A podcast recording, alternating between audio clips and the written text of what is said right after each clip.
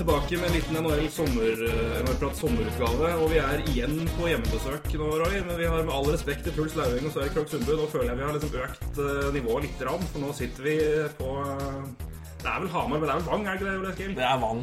Ingeberg. Altså, vi som bor på Ingeberg, er veldig stolte av å bo på Ingeberg, for det er Hamars svar på Holmenkollåsen. Det sto faktisk i HA for et par år siden. Og med den utsikten her, som vi ser utover nå fra kjøkkenet, det, er, eh, det kan vi si oss enig i. Ole Eskil Dahlstrøm, hjertelig takk for at vi fikk komme på besøk, og takk for at du var med på en NHL-prat. Ja, det var bare hyggelig. Eh, Jeg prøver å få med meg litt NHL, men jeg må ærlig innrømme at det er Stanley Cup-sluttspillet som eh, gjør at jeg betaler den eh, summen det koster i året for å se på, på den kanalen. Men du er jo ser, fint kledd for anledningen. Vi får bringe det videre, vi som ser deg, og ikke bare hører deg. Du har på deg, har på deg Rangers caps, så du er eh, Ja, jeg er egentlig Toronto Maple Leafs-fan fra gammelt av. Børje Salming var vel kanskje den største helten min. Eh, Og når han eh, dro i gang toget i Toronto der med det gamle Jofa-hjelmen og sånn, det syns jeg var stort. Så husker jeg i Albertville-OL så sto jeg ved siden av han i telefonkiosken og skulle prate med, med noen hjemme.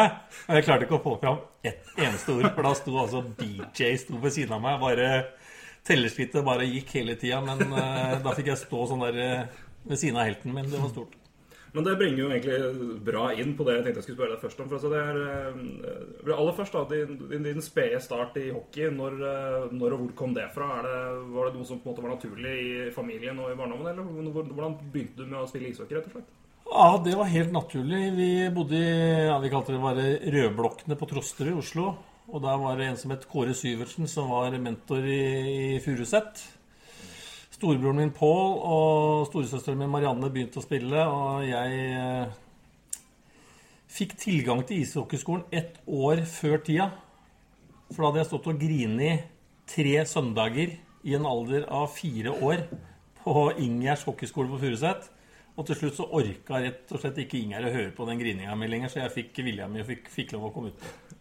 Var det, var det et eh, tidlig talent, eller hvordan var, det, hvordan var det når du først begynte? Var det sånn at, for det, Noen har jo det at du kommer inn i idrett, og det her på en måte faller naturlig med en gang. Og andre eh, si, jobber seg jo mer god, eller på en måte kommer mer ut etter hvert. Hvordan, eh, hvor god var Ole Eskil Dahlstrøm på den hockeyskolen? Ja, han var veldig god, altså. det her, altså, jeg er altså det motsatte av et treningsprodukt.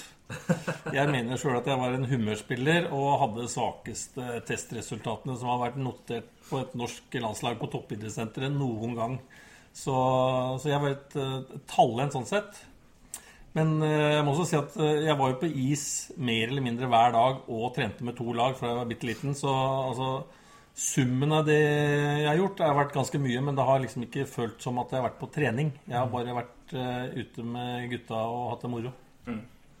Men eh, samme tida på en måte før du mm, slår inn og spiller sjøl, det er jo eh, Nå har vi jo all mulig av hockeyligaer og stats og informasjon og kamper tilgjengelig fra, fra Russland, fra NHL, ikke minst. Det er jo det vi føler mest. Og igjen, du har jo Sverige og alt mulig. Men altså, tilbake da, da, hvis dere eh, Salming, eksempel. Hvor, hvor og hvor mye som hockeyinteressert eh, ung, ungdom i Oslo fikk du med deg f.eks. svensk hockey og, og liga der? Hvor, Salming i NHL. Hvor var det du kom Hva fikk du med deg av, av hockey og på en måte helter utafra Norge? Hvor mye var det på den tida der? Ja, Det var jo veldig greit. Vi hadde jo NRK, og så hadde vi SVT1 og SVT2 og Sportsspegel. Det var altså mer hellig enn barne-TV. Så den så vi jo på. Hver eneste gang, og der hadde de NHL-hockey. Så det var gjennom svensk TV at man fikk blei fora av det. Og Ta en skål for den. Det ja, vi er- skåler for Sportsspegel. Altså, det var Absolutt. Ja, det var Ikke noe var større enn det, egentlig. Men da var det Salming som var første, førstehelten her? Var det, Eh, Salming var klart førstehelten, og ja, måten han spilte på, åssen han så ut Du så at han var eh, Det var ikke noen juniorspiller. Men, han, eh, men eh, når du begynner karrieren din og du, du ender opp eh, sånn og sånn, han var jo en, en meget, meget meget god forsvarsspiller. Du ble jo en forward. Hvor var det du Hvorfor begynte du med å bli spiller spille der du spilte? da? Hva var det som Ja, Det var veldig enkelt. Jeg starta jo som back. Mm. Så jeg spilte jo back til jeg var Jeg tipper jeg var ni år, tenker jeg. Men den blei jeg så dritta lei at jeg kjørte coast to coast hele tida. jeg var bare henta pucken og gikk rett og slett over og, og satte den i krysset. Så da Det er jo bekker man liker i dag. Ja, jeg Så- mener jo at uh... Så er Vi snakker med, er vi snakker med norske svaret til Erik Karlsson. Ja. 80-tallet, altså. Er, Ja, så da, da flytta de meg heller opp som senter. For da var det noen flere som fikk lov å, å være nær pucken, rett og slett. Så Men jeg avslutta i Storhamar. Da sa jeg siste året mitt Eller når jeg var i Storhamar, så sa jeg at eh, de siste fem åra mine avslutter jeg på bekken, for det er jo lett å spille av bekk. Eh, det skjedde ikke. Men eh, du begynte i Så sitter jeg med, med tallene og, og foran meg. Vi gjør begge to, ser jeg. Vi har oversikt. Ja, må jo kikke litt på hva han driver med. Men, Ja, bra det. Jeg har ikke oversikten. Ikke sant? Men du, var, altså, du, du begynte jo i uh, Furuset i 87 eller 8, rundt 87 til 88, og så uh, et år i Ørebro. Ja. Uh, men på samme tida så ser jeg at du, du var jo med og spilte for Norge i, uh, i junior-VM. Alaska. Har du noe, Hva er minner derfra? Husker du noe, noe, noe oppgjør eller noen spillere som, på måte, du, på måte, som du da dukka opp år senere? Eller hva husker du fra det junior-VM der? For det kan jo det, Ja, der var det mange gode spillere med, altså. Og jeg var jo såpass breial i kjeften, så jeg var med på nachspiel med flesteparten av dem når turneringa var ferdig. uh, Jeremy Ronick var en av dem. Jeg husker han var der. Og da, ja, da, da måtte han gå litt tidlig. For han måtte pakke sekken, for han skulle rett til Chicago. Han ble jo henta derfra. Så hadde du jo Mike Modano som var der. Han var litt mer stille. min, en av mine forrige spillere. Ja, han var, Det var vel kanskje USAs beste to spillere. Og så hadde du førsterekka til eh, Skal vi se om jeg husker det. Til russere. Det var eh, Pavel Bure. Og så var eh, Har det vært så mye bra folk? Nå, nei, ah, ja, Jeg burde huske de to siste òg. Det var, var helt han som spilte i Detroit da, i 100 år? Og eh, ikke Lariano, holdt jeg på å si. Nei, Det var nei, nei, Fedorov. Fedorov. Fedorov var der, og så var det en som var like god. Kan det være Mogilny, eller? Ja, Mogilny Ja. i første. Det er greit. TBC eller noe var der. Så. Ja. Men altså, det, det, det var herjelag. Uh, og Fy faen, det er usaklig. Det her har du drevet med, altså. John LeClair og Nei, der ser vi. Det er jo det er, det er grei, grei konkurranse. Ja, vi fikk kjørt oss, vi, altså. Men uh, vi, vi klarte vel å holde oss. Vi slo vel Tyskland i den avgjørende kampen, så vi holdt oss oppe. Og det, hvis jeg ikke tar helt feil, så er det en av de få gangene Norge har holdt seg i, i AVM. Og det er jo i hvert fall når vi ser på topptalentet her, så det at det er i hvert fall et solid nivå. Det, Ja, ja, altså, det var veldig mange som fortsatte å gjøre det bra seinere der, da. Dere fikk kjørt dere i tre første kamper. Jeg må bare si det. si, var- det ble mye mot russere. Ja, 7-1-tap mot uh, Canada først. Her snakker vi romjul, altså. 26. Ja, ja, ja. desember. eh, og 7-1-tap mot Tsjekkia. Og så eh, møtte dere Sovjet, ja. Der ble det 10-0. Så det var jo blytung start på den turneringa da. Ja, ja, Hvis du ser på den norske lag, lagoppstillinga, så skjønner du kanskje hvorfor òg. Men vi må jo gi heder til vår æresgjest her. Eh, I to junior-VM, altså. Eh, Dere det VM-et der, da er det seks poeng på sju kamper.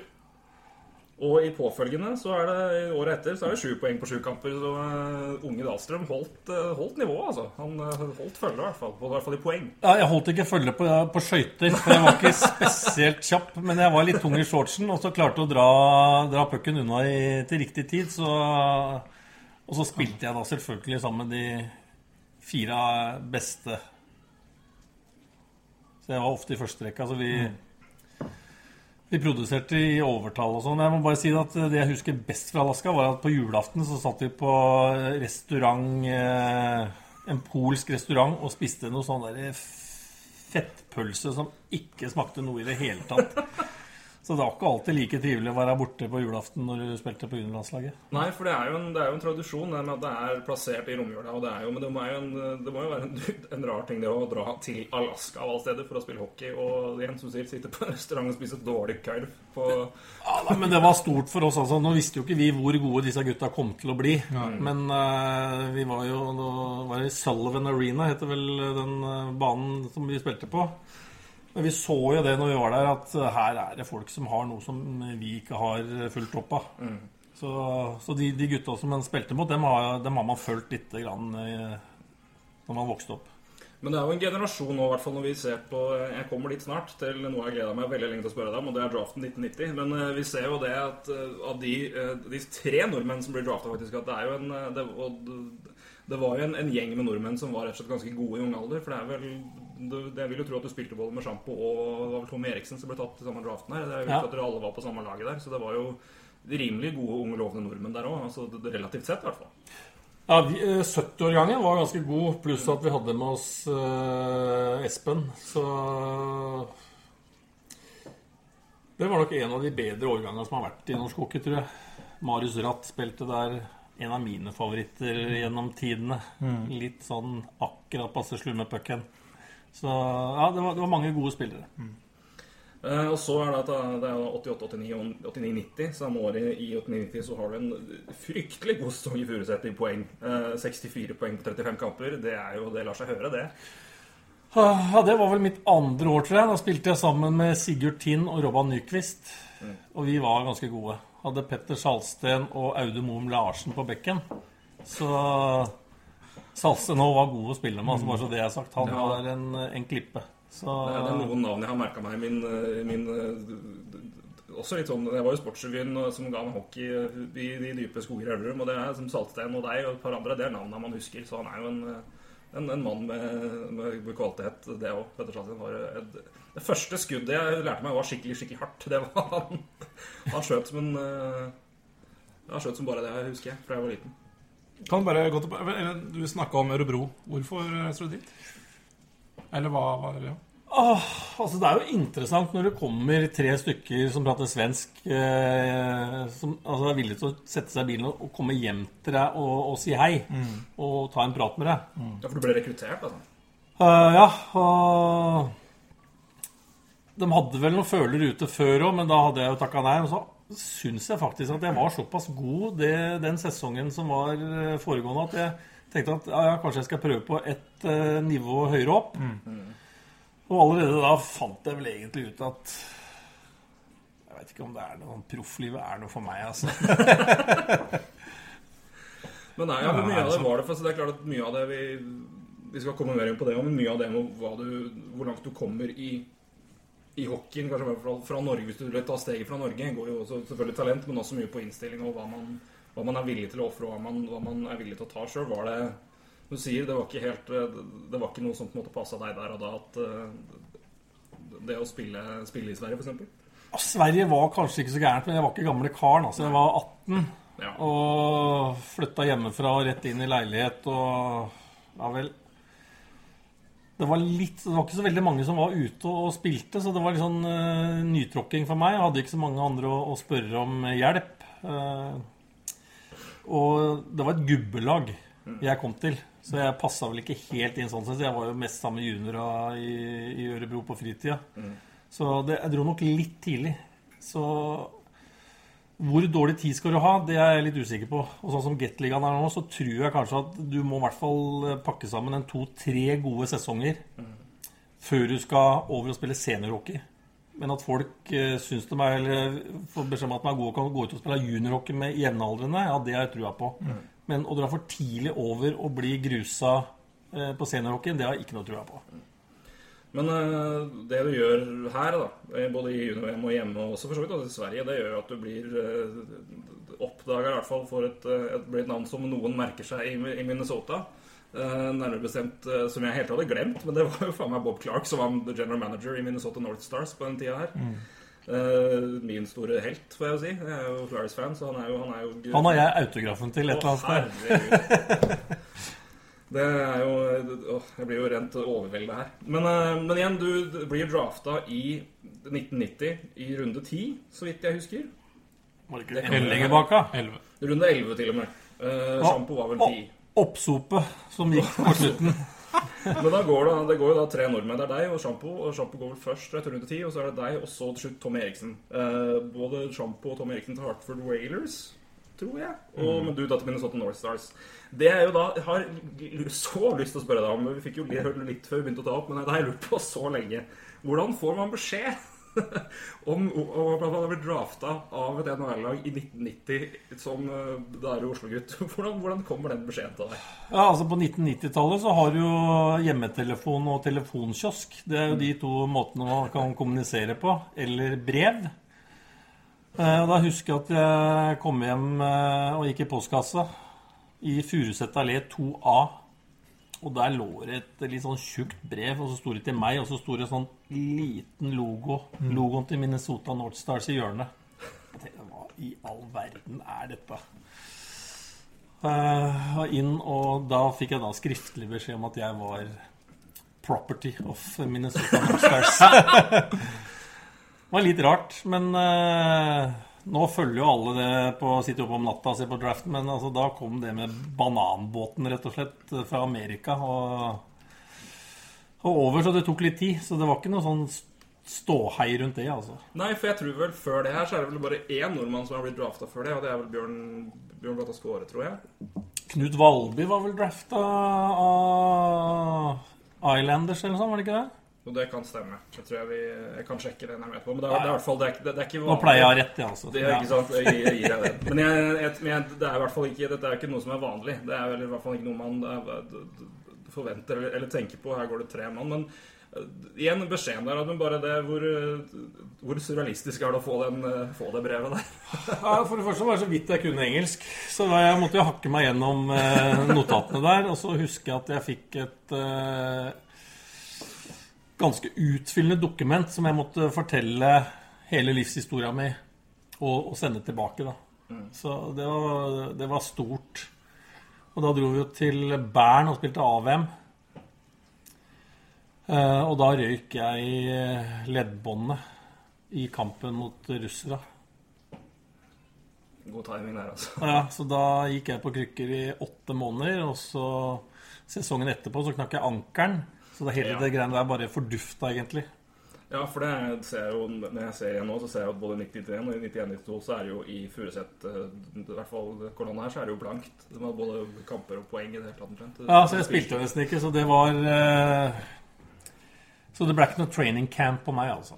Nei, for det var noe jeg skulle, jeg skulle sjekke. For sånn, Vi snakka jo med, med Kristian Røykås Martinsen da han ble tatt, og vi fikk jo han eh, på telefon omtrent rett hjem fra Washington. For han, vi skulle egentlig, hadde jo egentlig avtale om at vi skulle ta en prat søndagen etter, etter altså samme helg som draften. Så fikk jeg melding på, på mandag fikk jeg melding på Du, det passer litt dårlig, for jeg skal dra til Washington i morgen.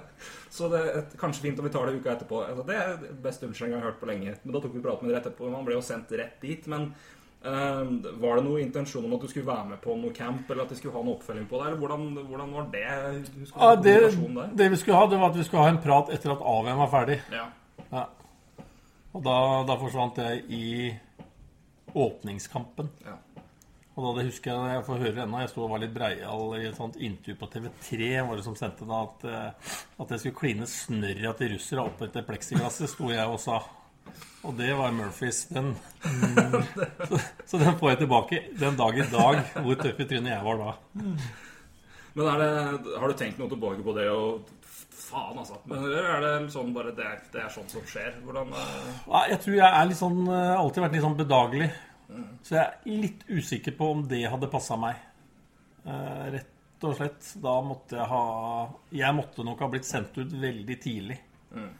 For å få Jeg ble litt bortskjemt, rett og slett, eh, på veien. At du kommer inn på A-laget når du er 16, har en veldig god sesong når du er 17. Slipper å stå i kø på alle utestedene i Oslo fra du er 17 og et halvt med VIP-kort både på det ene og det andre stedet. Så Ja, det må du det var litt sånn andre tider da. NHL og Sverige var egentlig veldig langt unna. Det var Ørjan Løvdahl. Åge Ellingsen var, hadde vært i Sverige. Bottings hadde vært i, i Ferjestad. Så det var egentlig Sverige var veldig langt unna. Ja, for det er interessant. Liksom, hvordan er eh, For nå er vi jo Nå ser vi liksom de største De vi ser på som i hvert fall de største stjernene, eller kanskje folk flest, ser vi jo i, i VM som regel. Når Norge samles, så da er det spillere som spiller da enten i Sverige eller noen få kanskje i NHL eller juniorliga. En del har vært i Tyskland opp igjennom, og kanskje nå har det vært en del i Russland. Noen hjemme her. Men, men posisjonen til en ung, eh, fremadstormende hockeyspiller som har danna seg et navn i Oslo rundt sent 80-tall, da, og den- hvor, hvor, hvor stjerne var du da, rett og slett? Altså, av hvor, hvor sier det, det, det virker jo som at her er det du ble jo et navn som flesteparten kjente godt til, og som eh, fikk litt eh, Fikk litt respekt, da, for å si det sånn. At du var litt, hadde rette posisjon, rett og slett. Ja, jeg vet ikke. Du tenker veldig veldig lite på det. Altså, Du bor i en boble. Du er jo i garderoben, og når du er yngst der, så blir du jo jekka ned hele tida. Jeg hadde jo en fem år eldre bror òg, på Furuset, Pål, som eh, Så jeg følte at jeg var junior hele tida, egentlig. Eh, At man var litt konge i Karl Johan, det, det blir ikke millionær, altså. Nei. Men imot. utafor, kall det eh, Førstedivisjon Mm. på den tida, så, så var det jo ingenting. Du hørte liksom et eller annet at kanskje et eller annet med eh, et svensk lag eh, kunne tenke seg forover og sånn, men det, det var nesten som å dra til månen, føltes det som. Men på et tidspunkt så blir det jo det som øh, kanskje mange forbinder deg med. I hvert fall jeg. Jeg har jo, som er født i 88, husker jeg jo som Storhamar-spiller. Eh, og du drar vel litt i 92 eh, etter skade. Hvorfor valgte du å dra til Hamar? Ah, Ja, det var mye rart, egentlig. Det var vel Furuset dreiv ikke noe godt. Eh, mora mi kausjonerte vel bort eh, huset for å betale lønninger til spillere. Så arven min gikk jo til NM-gullet i 89. Der var arven min som forsvant. Eh, Så det var en del sånne personlige greier opp mot familien min. Og så var det tydelig at Storhamar dreiv veldig mye bedre. Det var en større organisasjon. Selv om moderklubben er det tungt å, å dra fra, men da syns jeg at eh, Furuset var på vei ned i et uh, svart høl som jeg ikke hadde lyst til å være med ned. Og når tilbudet kom fra, fra Hamar da, og Storhamar, så var det egentlig ikke noe, noe tvil. Og da var jeg på landslaget med veldig mange Storhamar-spillere òg. Så Erik Kristiansen og Petter Thoresen, Rune Gulliksen og sånn. Jeg tenkte "Ah, nå er de veldig hyggelig med meg i sånn VM og sånn.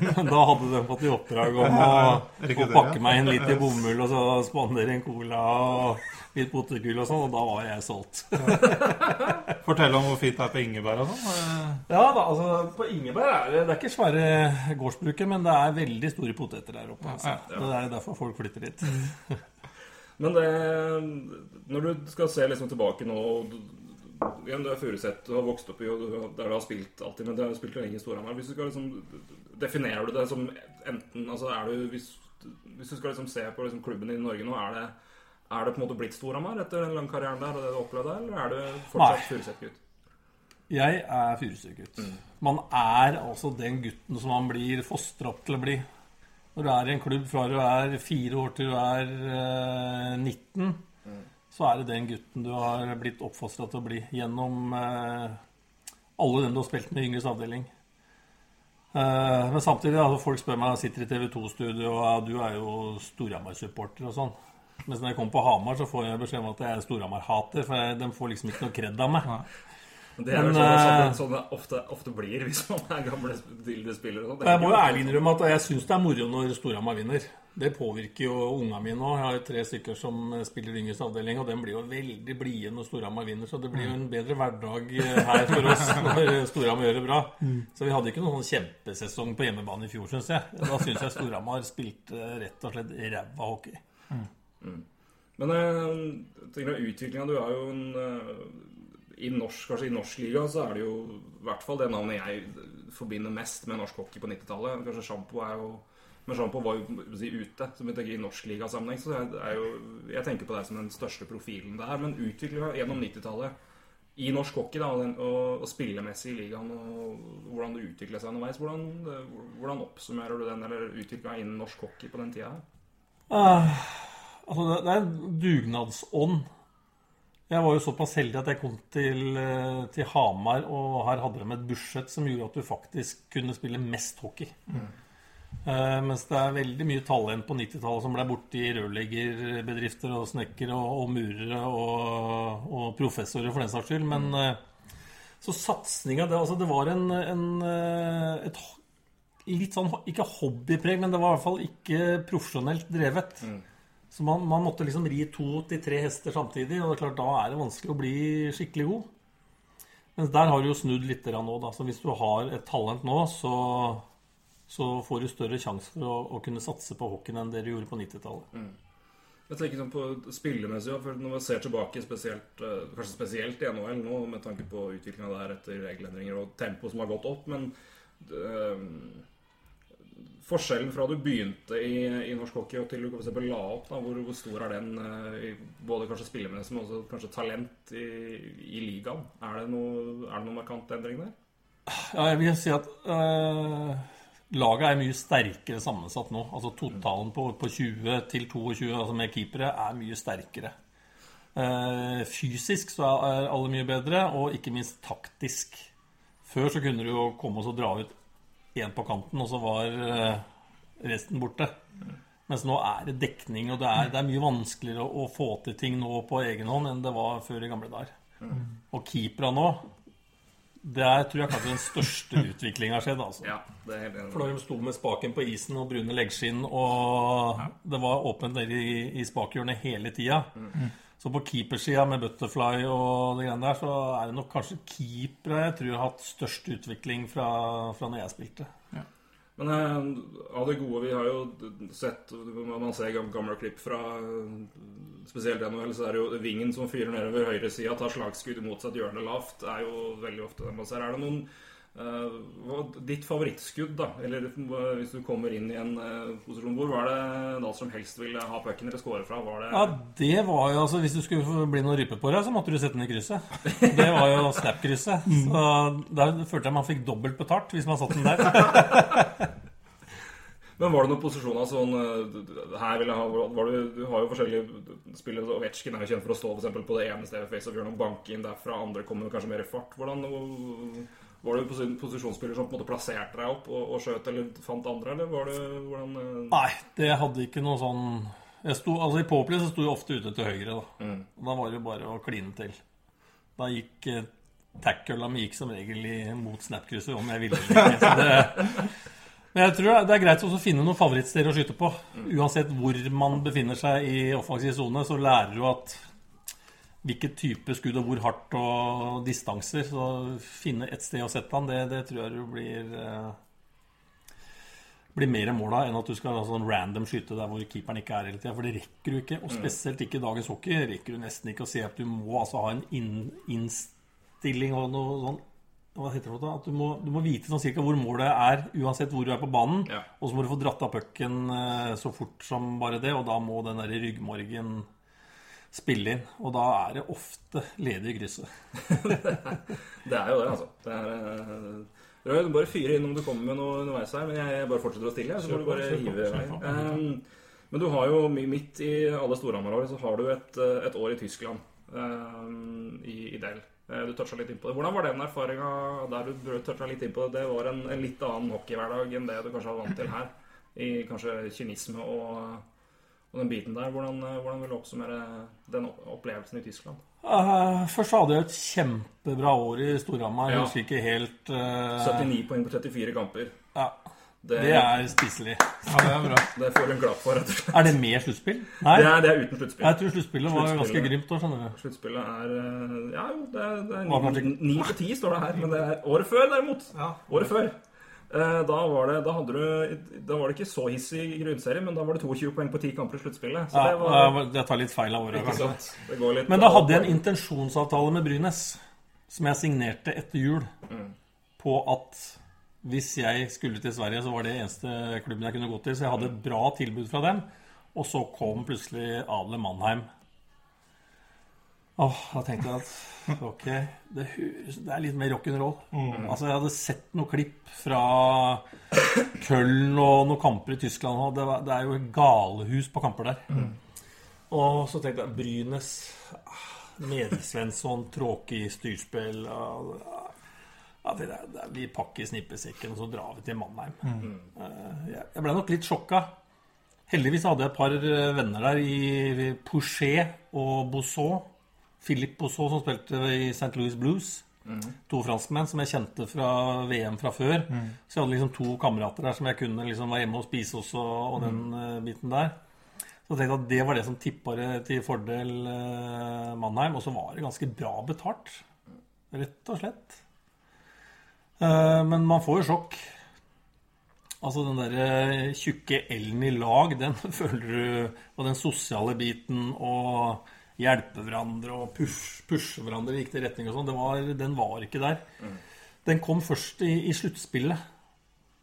Da var det innmari spennende, og da knakk jeg tommelen selvfølgelig i semifinalen mot uh, Frankfurt.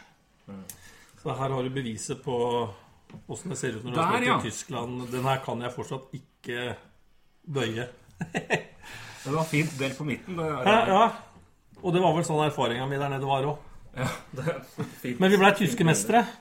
Ja, det har jeg jo. Så Ja. ser vi jo her. Det er en fin liten pokal med tysk flagg under Uh, Ja, og det er vel Du fikk ikke noe annet. Jeg tror jeg har en caps et eller annet sted som det står Del Champion. Det var ikke noen klokker og diplomer og Men opplevelsen etterpå var noe av det villeste jeg har vært eh, borti. Da var det tre dager med fest. Og vi, vi sto på borgermesterens eh, balkong i sentrum av Mannheim. Og der var det altså 100 000 mennesker med flagg. Og én og én skulle ut på balkongen med mikrofon.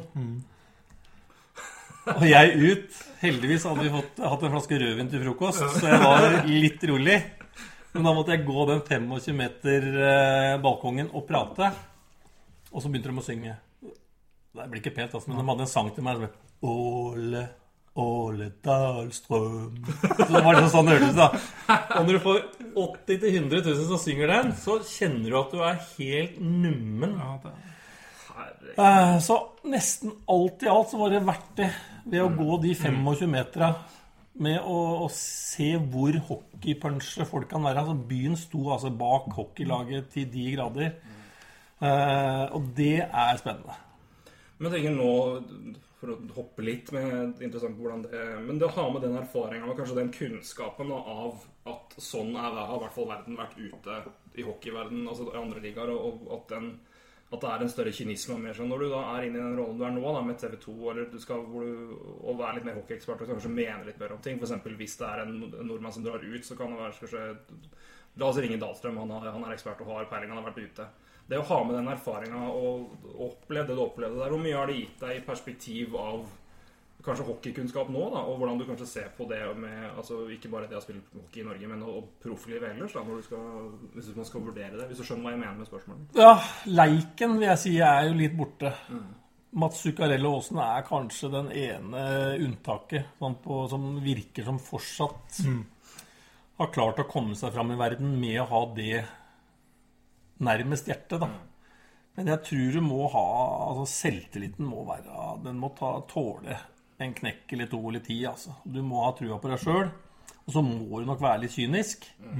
Og så må du sette bort en del ting. Du må være en av de sterkeste.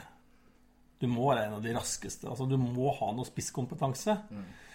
Eh, og så får du ikke gjort flere ting samtidig. Før så kunne du være Du kunne være med på klassefester, for å si det sånn. da. Men det tror jeg kanskje er sånn at nå må man velge om man skal bli toppidrettsutøver, eller om man skal være med på alle klassefestene. Det kan hende at man må, må velge bort noe. At man må være mye mer eh, klar på hvor man vil hen. Og så tror jeg også at man må, eh, hvis man er et talent, at man får én-til-én-oppfølging. Jeg hadde Willy Valby, pappaen til Knut Valby, når jeg var ung i Furuset. Som da tok meg til side, kom med tilbakemeldinger. Jeg har jo papirer ennå, altså jeg var ikke gamle karen, som jeg fikk eh, analyser av hva jeg hadde drevet med, og hadde noen samtaler og sånn. Og jeg tror vi må dit enn også på hockeyen. At ikke det bare gjelder eh, skiløpere og hoppere og, og jobbe med, med små ting, også mentalt. Så tror jeg de aller beste bør ha noen samtalepartnere i de forskjellige klubba som er med og, og pusher dem litt.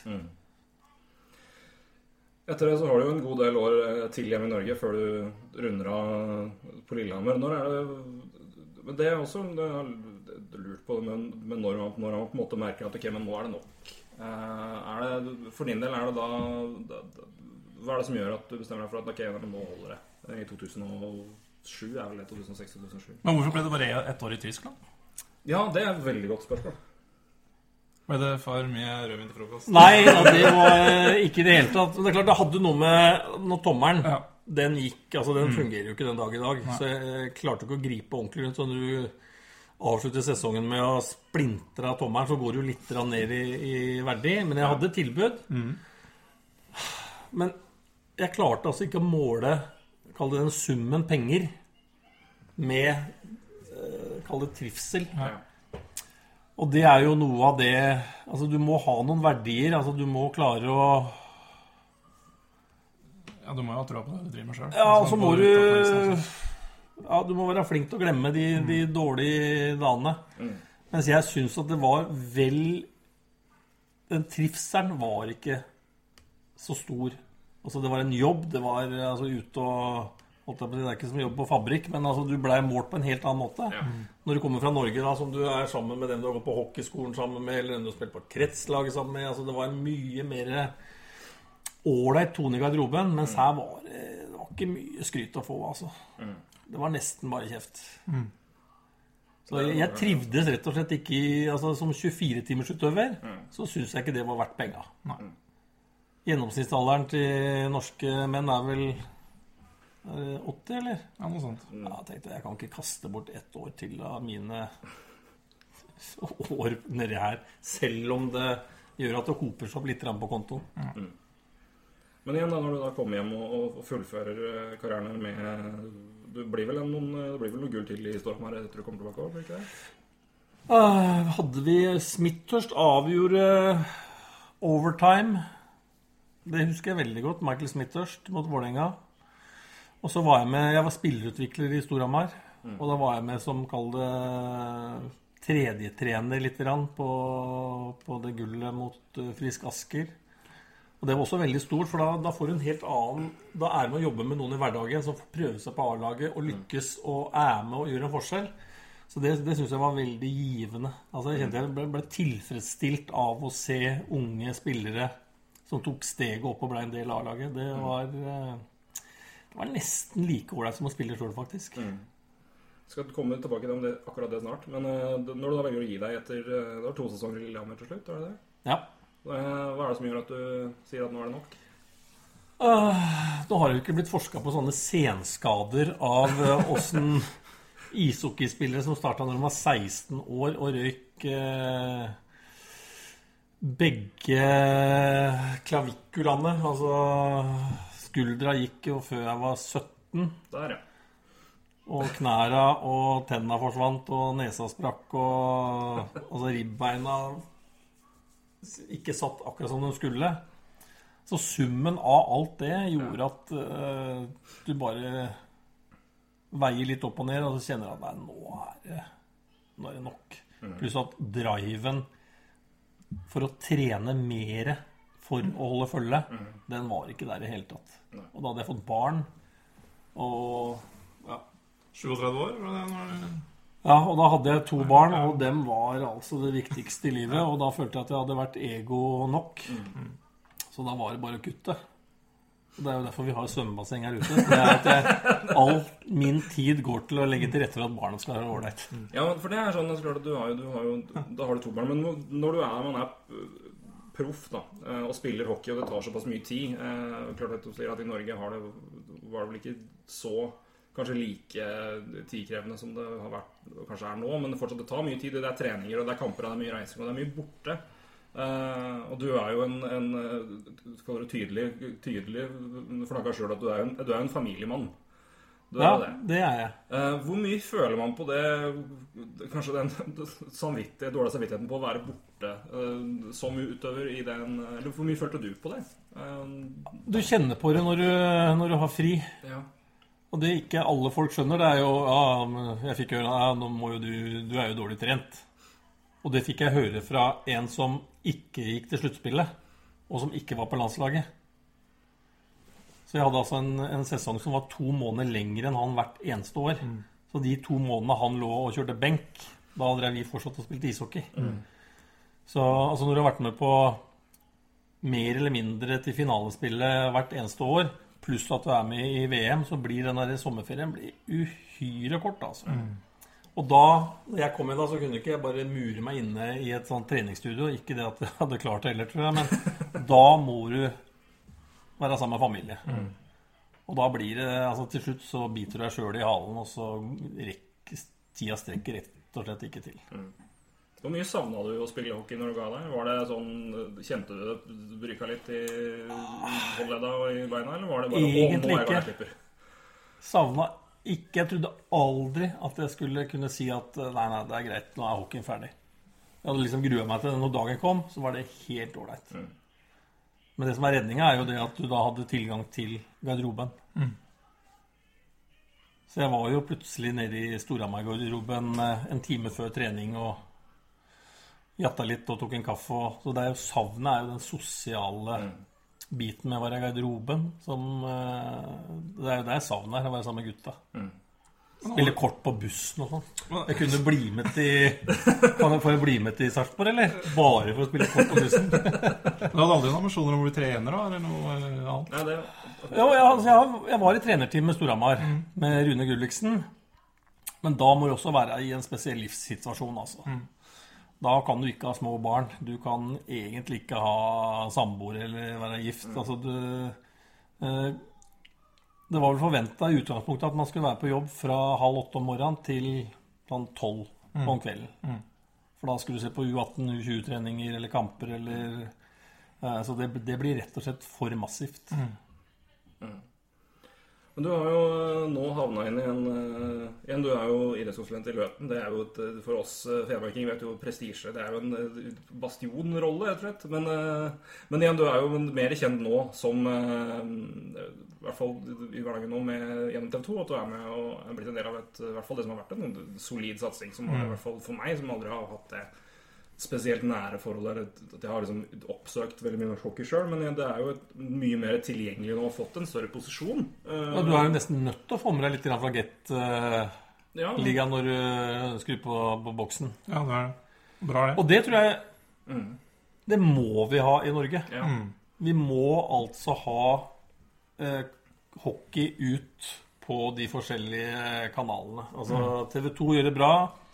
Og pluss at på Sumo Jeg ser jo masse på Sumo og syns at det har blitt et kjempebra produkt. Absolutt. Og noen klager på det. Ja, det er jo noen supportere som sitter og kommenterer og sånn. Det gjør meg ingenting. Jeg syns det er kjempefint. Og da kan jeg holde meg oppdatert. Jeg kan si highlights. Så for hockeyen sin del så er det helt nødvendig å være på riksdekkende kanal flere ganger i uka. Hvor mye merker du det av folk som kommer til deg og prater om, om hockey etter at du har vært Altså når du på en måte har blitt en litt sånn eh, ja, Kall det hockeyekspert da, gjennom Get-ligaen og her. Har du merka at det har blitt en økende interesse, og at flere kommer og prater med deg om det? Eller hvordan merker du noe av det? På Hamar så har hockeyinteressen vært ganske stor lenge. Ja, ja. Så jeg prater vel med Men det kommer en del sånne ungkalver bort og 'Da har jeg sett på TV' og sånn. Så jeg, å, ja, kult. Så ja, man merker det. Men altså, jeg prater veldig mye med dem jeg prata med for 20 år siden. Mm. Bare at det er nå kommer det noen sånne 6, 7, 8, 9-åringer som da ikke har peiling på at du har spilt, men bare har sett deg med, med blazer på, på skjermen.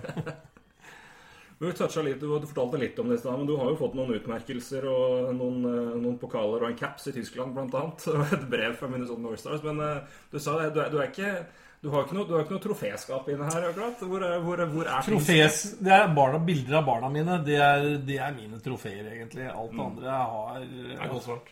Jeg har jo sånne Åh, Landslagsdrakt fra OL henger vel i Narvik, eh, tror jeg. Den ble med en sånn barnehageonkel som skulle starte noe hockey oppi der, så jeg har jo egentlig ikke igjen noe, noe særlig. Men gullpucken den sto jo i vinduet nå, det var ikke meninga. Men den måtte jeg dra fram, for det var en eh, litt sånn tøff nabogutt der som ikke trodde at jeg hadde vært noe særlig. Så han, eh, han måtte få lov å holde og kjenne på den. Men det, det burde vi jo forsøke om. Du har jo spilt i to OL, bl.a. på hjemmebane, rett opp i noen time nord for her. Hvordan var det å spille OL, eh, OL i Lillehammer med Norge? Øh, Jeg var med i Albertville før det, og det var kanskje det mest sånn spesielle jeg har vært med på i, i landslagsdrakta. Eh, OL på Lillehammer blei Jeg gjorde det ganske bra. Jeg skåra vel fire eller fem mål. Altså, vi, mål, du. Ja, vi spilte ganske Det var gode lag, altså.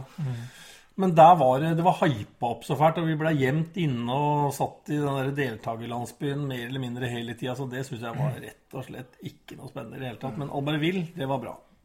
Men jeg tror Lillehammer-OL Altså Når du ser på denne praten som har vært om du skal ha OL i, i Norge etterpå Jeg tror ikke det har gjort at Norge har blitt noe dårligere land å være i. Altså Et sånt OL-arrangement. Så Nei, det er Altså, jeg er jo det er noe jeg kanskje er med, altså Hvis det er noe i verden jeg er mer geek på enn NHL, så er det Lillehammer 94 og historien der. Det tror jeg omtrent kan si mm, Ikke bare gullmedaljevinner, jeg tror medaljevinner omtrent alt. Det er eh, den der OL-videoen som NRK ga ut etterpå, som vel omtrent er i hvert andre norske hjem, den tror jeg jeg så på hver gang jeg var sjuk. Så jeg på den hver dag. så den det var ikke mye hockey på den. Det var ikke hockey på den. Det var, det var finalehøydepunkter. Ja, Med Tor Eggen som kommentator for øvrig.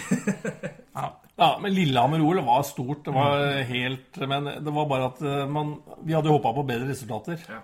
Og så blei det liksom dårligere og dårligere stemning i, i troppen. Og så vant du vel siste kampen mot uh, Østerrike.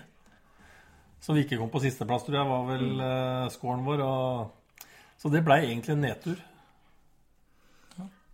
Men eh, nå eh, ta- Gi litt over for noe av det også Eller vi i hvert fall har lyst til å prate om. Nå er du jo i en eh, posisjon hvor du er eh, du, du ser hockey, du følger hockey, og du har jo, du har jo gjort det i hele karrieren, men nå, nå ser du det fra et annet perspektiv. Men noe av det vi har prata mye om og, og er veldig spent på, er hvordan, eller noe vi eh, lurer på, er hvordan Norge kan Eller hvordan norsk hockey kan utvikle flere eh, Kan man utvikle flere talenter til et eventuelt NHL-nivå, f.eks.? Altså hvordan hva kan man gjøre, eller hva, er, hva må til da, for at spillere Er det, er det talentene som mangler? Er det det mentale? Er det noe annet?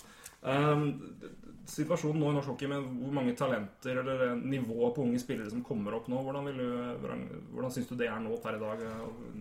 Andelen unge spillere som, som markerer seg, eller som ligger liksom og ulmer enten rett under Gateliga-nivå, eller som gjør det bra. Da. Hvordan, hvordan vil du beskrive det nivået nå? Det kommer jo alltid opp nye spillere. Eh, spørsmålet noen ganger er om laga gir dem sjansen til rett tid. Noen ganger så må du få smake litt grann på, på Gateliga for at du kanskje skal få betalt noen år seinere. Så man ikke venter for lenge med å, å gi dem sjansen. Og da gjerne sammen med de beste spillerne på de respektive lag. Det har jeg trua på. Men å komme dit altså Vi er jo en, eh, holdt jeg på å si, en befolkning med bortskjemte drittunger. Som er pakka inn i bobleplast og bomull og får vilja si hele tida. Og hvis det er litt langt å gå oppover, så lar vi det være, liksom. Eh, Men jeg har jo trua på at eh, det blir samla en del spillere på NTG, Vang, altså noen sånne hockeygymnaser som gjør at eh, flere får kjenne, og du får en, kanskje en, en vanskeligere hverdag å bli god i. At du må strekke på deg hele tida, og at du blir fullt med argusøyne, og du får lærdom i den fysiske treninga.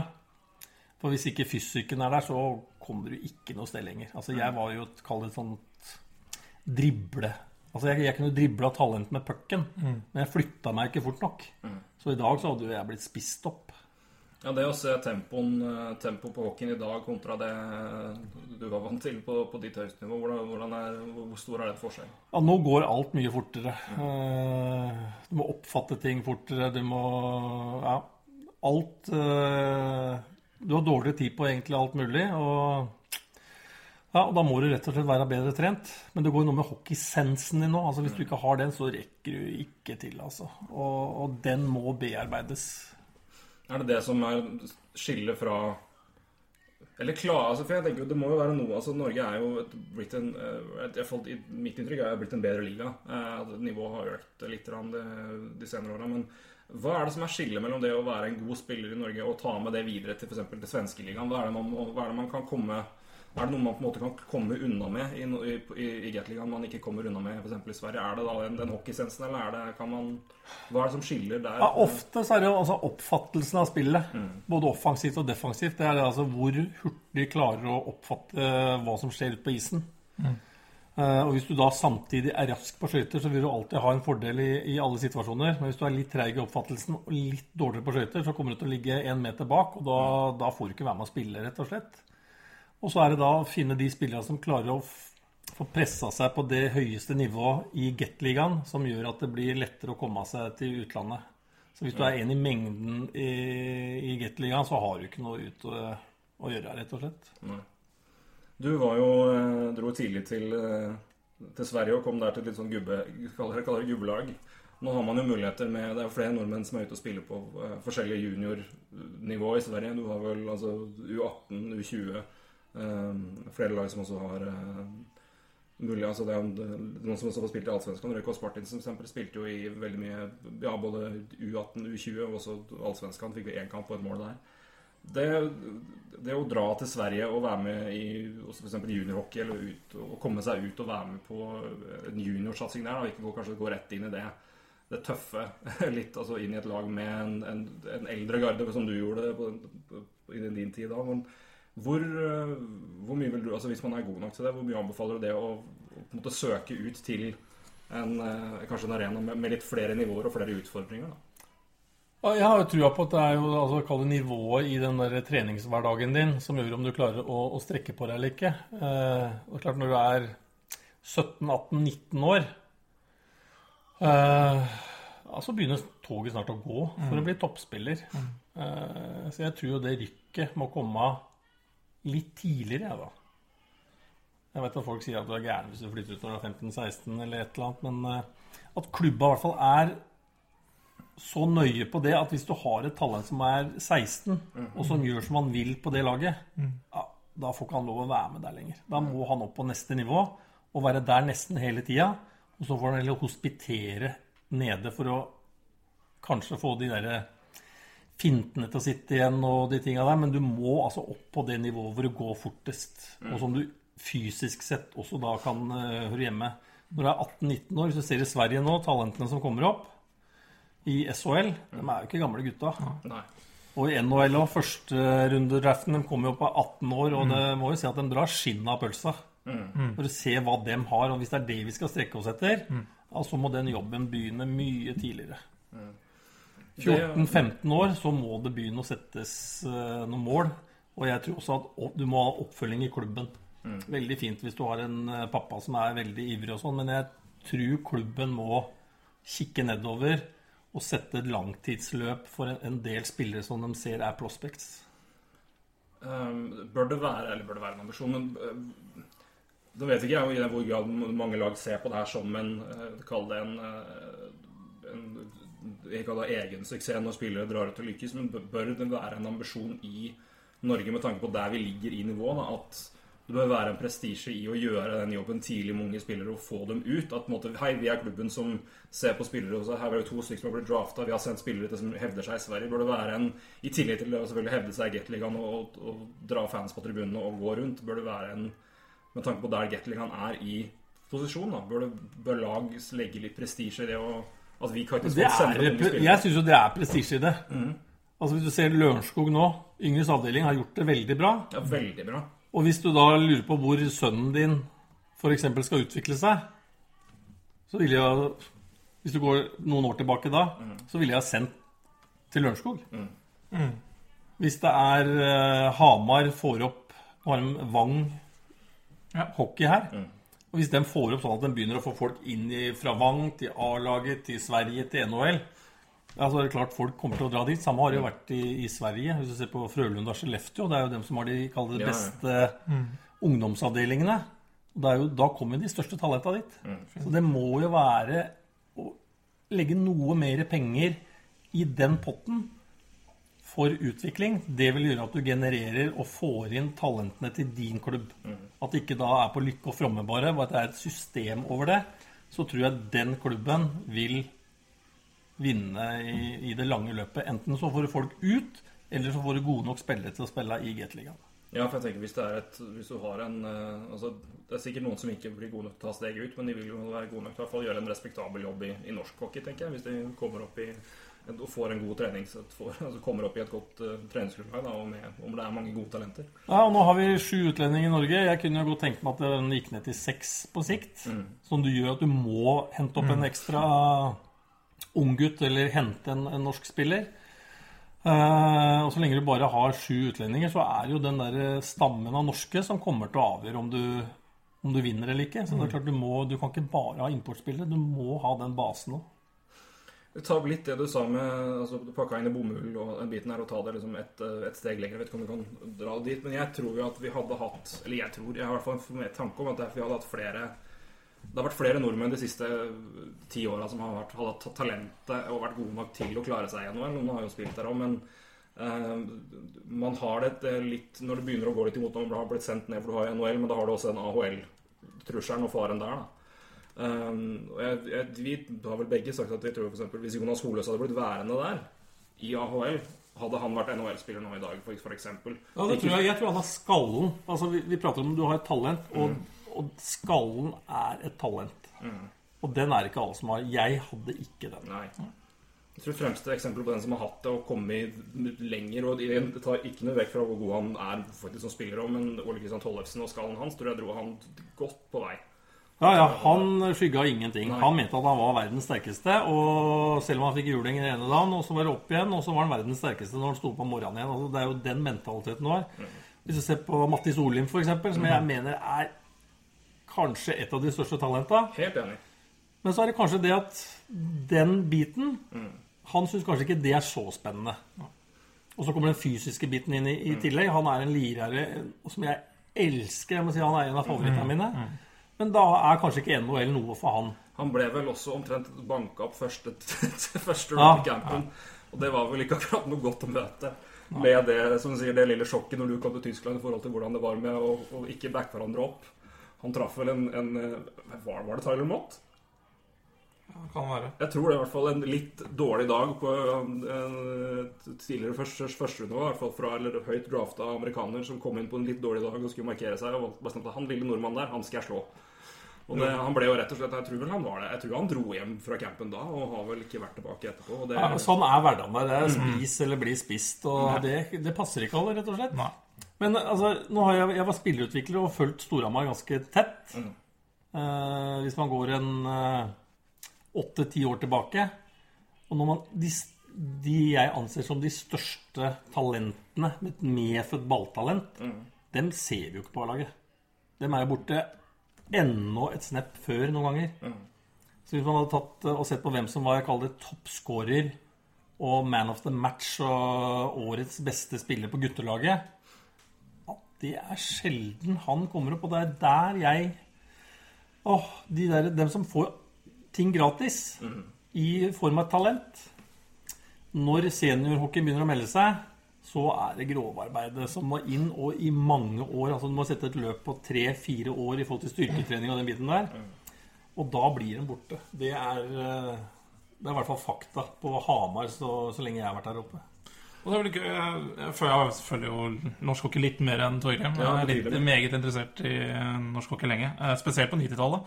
Eh, Mest pga. Da spilte vi hockey. Jo, men, Det var jo om å lure motstanderen. men profilene på den tiden var jo noe helt annet. Altså Jeg bare tenker, eh, jeg som var litt frisk fan eh, En Atle Olsen mot Ketil Wold. ikke sant? Det var jo det var nesten bare å dra på jorda for å se de to krangle mellom seg. Kyle McDonagh.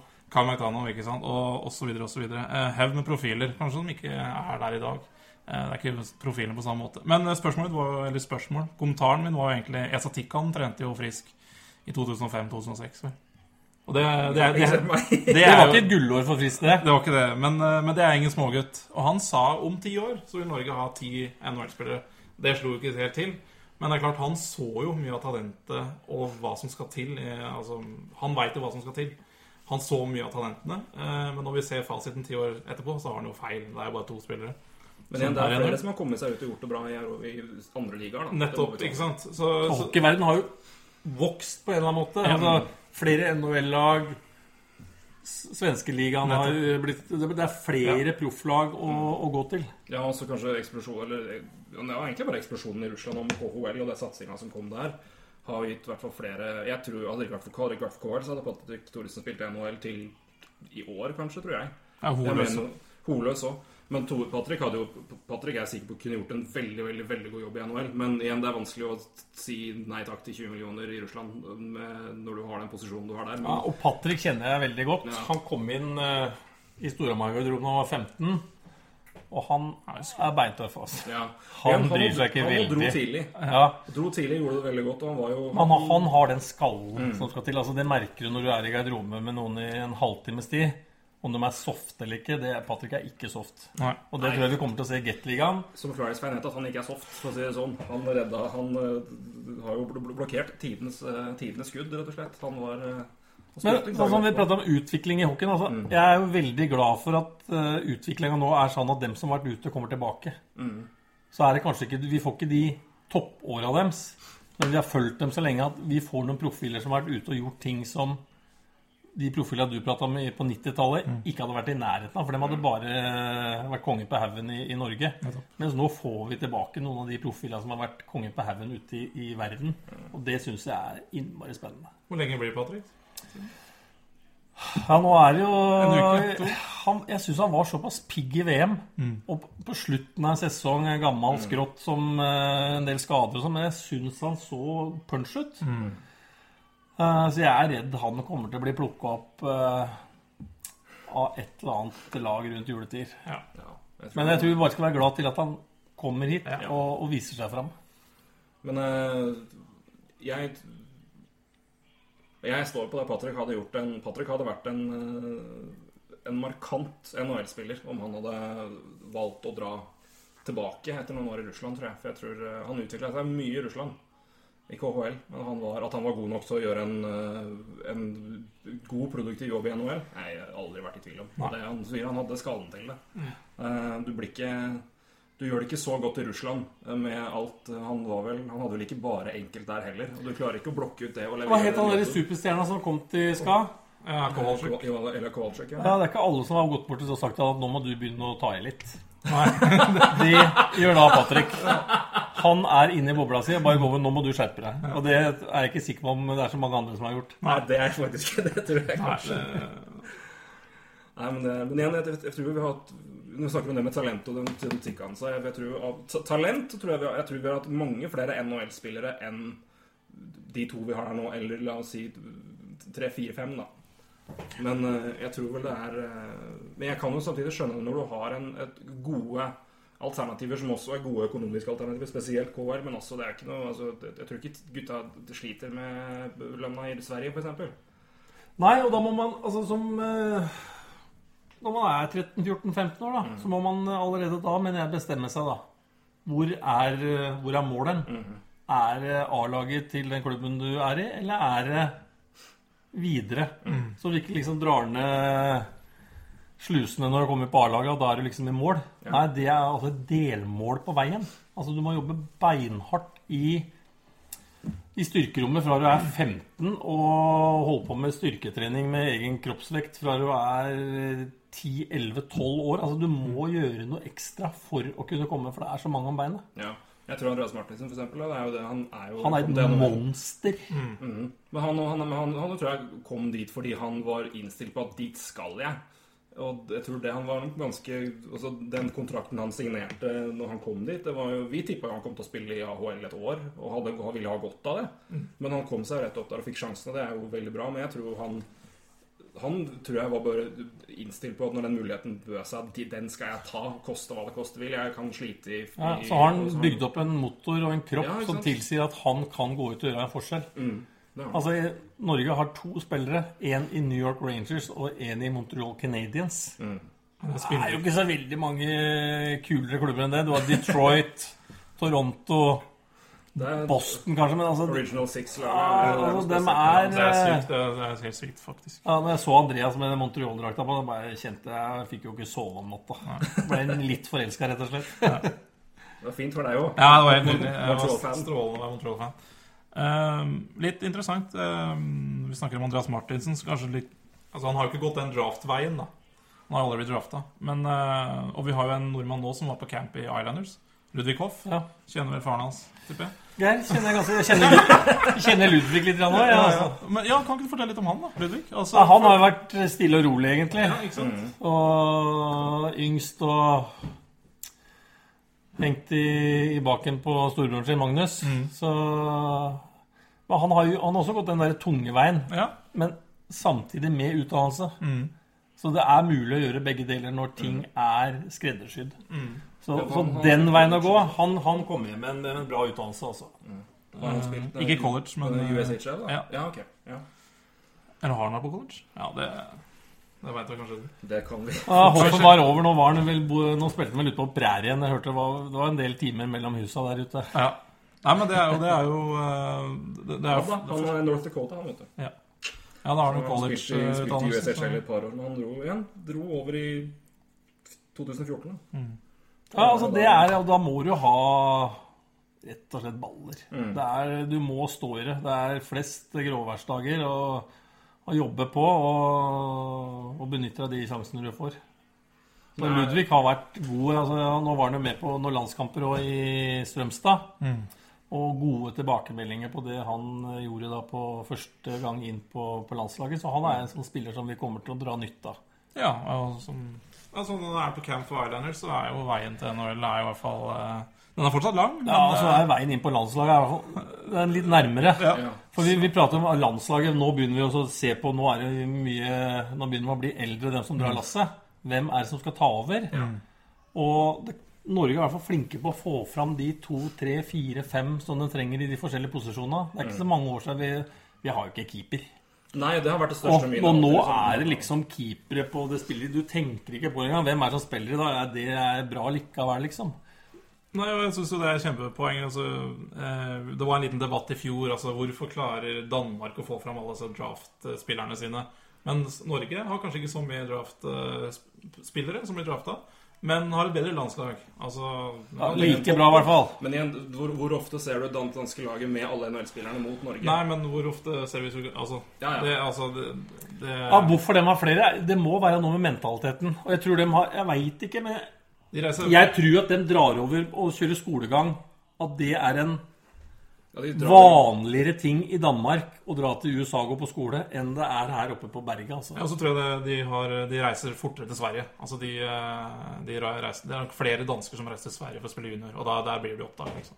Så jeg tror også det er en uh... Ja, de har vært en veldig, veldig klar eh, Sverige-vei, altså. Mm. Tidlig, men det er også det, men Da blir du oppdaget. Men Ja, men jeg syns det er interessant det med hvor, hvor, hvordan vi ser flere og Det er klart at det er lettere nå. og det er, det er, er nok, altså, å dra, Jeg tror vel det å dra til USA og spille juniorhockey og, og den muligheten Jeg vet ikke hvor, aktuelt i det hele tatt om noen har nevnte muligheten for deg som ung talentfull norsk hockeyspiller. Ah, nei, den eh, Det var vel om man skulle gå på skøyter i Furuset-bobla, eller om man skulle dra bort på, i Løren, utebanen, og på skøyter. Det var vel de to alternativene som var til stede når jeg vokste opp. Så, den, så igjen, den muligheten og den tilgjengeligheten eh, Og jeg tror også de, hvor, hvor mye de lagene der ser ut til Europa for å hente inn unge, talentfulle europeere òg, altså i 15-16-årsalderen. Jeg tror vel det er en helt annen tilgjengelig altså, Det er et helt annet alternativ nå enn det var for kanskje også bare fem-seks ja, år siden. Hockeyverdenen er jo blitt veldig liten sånn sett. Altså med agentvirksomheter og De har nok veldig bra kontroll på unge spillere med at de har uh, draftansvarlig i Skandinavia som, som plukker opp og har uh, Kall det stråmenn ute som gir tilbakemeldinger på hva som skjer i Norge, f.eks. Altså det, det kommer navn på blokka hele tida. Før så måtte du jo spille junior-VM og gjøre det bra, for det var, det var der agenta var. Ja. Mens nå er det jo, kall det, nesten agentvirksomhet eh, til stede på hver eneste seriekamp. Ja. Har gjort det bra nå, så er det jo Blir det bare sendt en, en TV-snutt rett hjem til han agenten. Mens når jeg måtte eh, spilte, så hadde du jo Super 8-film som måtte eh, sendes i posten. Altså det er, det, så alt går veldig mye fortere nå. ja. Det er klart. Har du noe mer eh, på blokka? Nei, jeg syns, syns, syns vi må prøve å gi oss snart. Du, må, du er jo Ja, nå begynner den der mikroen å blinke snart. du, du er jo tross alt badevakt også. Det har du jo glemt. Eh, Du kan Ja, jeg så det var en som gikk bak her nå, så det er i hvert fall Det er jo livet igjen. Det er det er godt. Det er godt. Men eh, du runda med et, eh, et spørsmål. Det- Du følger jo Gateligaen eh, tett, selvfølgelig, og norsk hockey. Men eh, vi snakka jo det med unge spillere og, og, og det om det kommer noe opp. Er det noen eh, er, spennende navn som du ser og hører, som kanskje ikke allmennheten helt har sett så mye av ennå? Er det noen Hva er det vi bør følge med det året her av både spillere og utvikling? Hva er det som er, er, det som er spennende med det kommende året for, eh, for de som også ser på hvem som kan hevde seg utafor Norge? Åh, jeg er jo veldig spent på Noel Lundell i Lillehammer. Jakob, som egentlig er skigutt. Jeg syns hadde en bra sesong i fjor. Så Lillehammer har noe spennende. Jeg syns sønnen til Åge Ellingsen, Martin, hadde en bra avslutning på sesongen i fjor. Og måten Lillehammer har skrudd sammen lag på nå, så er det en del eh, utlendinger. Og så er det noen av de unggutta som må ta steget. Så eh, Lillehammer tror jeg kanskje har et par stykker som kan ta steget ut videre. Hvem spiller finale i år? Det tror jeg blir eh, Stavanger og Storhamar. Hvem vinner der, da? Patrick Thoresen er på Han er vinnerskalla. Altså. Jeg, tror, jeg tror han får klemt ut de siste prosentene du trenger. Så jeg tror Storhamar kommer til å gjøre bra. De har vært offensive og mye bedre på å bygge lag i år enn de var i fjor, så, så det er spennende. Men Lillehammer også bra lag. Jeg syns Stjernen ser ikke så gæren ut, så jeg tror det blir ganske jevnt i år, altså. Og, og Frisk kommer ikke til å få noe spesielt mye dårligere lag, så det er bare å holde på hatten. Får håpe Lørenskog, som eh, er inne i en liten sånn omrokering nå pga. økonomi. Men samtidig så har de hatt den beste junioravdelinga på, på, i landet en del år. Så Hvis det er noen lag som kan hente spillere opp av, fra junioravdeling til eget lag, så er det Lørenskog. Så jeg tror de også kommer til å få et greit lag. Men kanskje spille på en litt annen måte enn de har gjort før. Vålerenga, da? Det er mange som, mange hører, mange som er lyttere som er Vålerenga-fans. Ja, Vålerenga de må, de må i hvert fall begynne å bygge. Nå bygger de eh, hall. Da må du bygge lag ved siden av, for du kan ikke bare skru på bryteren. Nei. Eh, Det ser litt likt ut eh, sånn som det var i fjor, at det blir Søberg i kassa, og så har du førsterekka som skal produsere. Men uh, kjenner jeg Roy Johansen rett, så jobber han ganske aktivt om sommeren og får uh, folk opp på et eh, bra nivå fysisk. Så kanskje ikke Vålerenga i år, men eh, de er nødt til å ha et bra lag når de eh, åpner ny Jordal.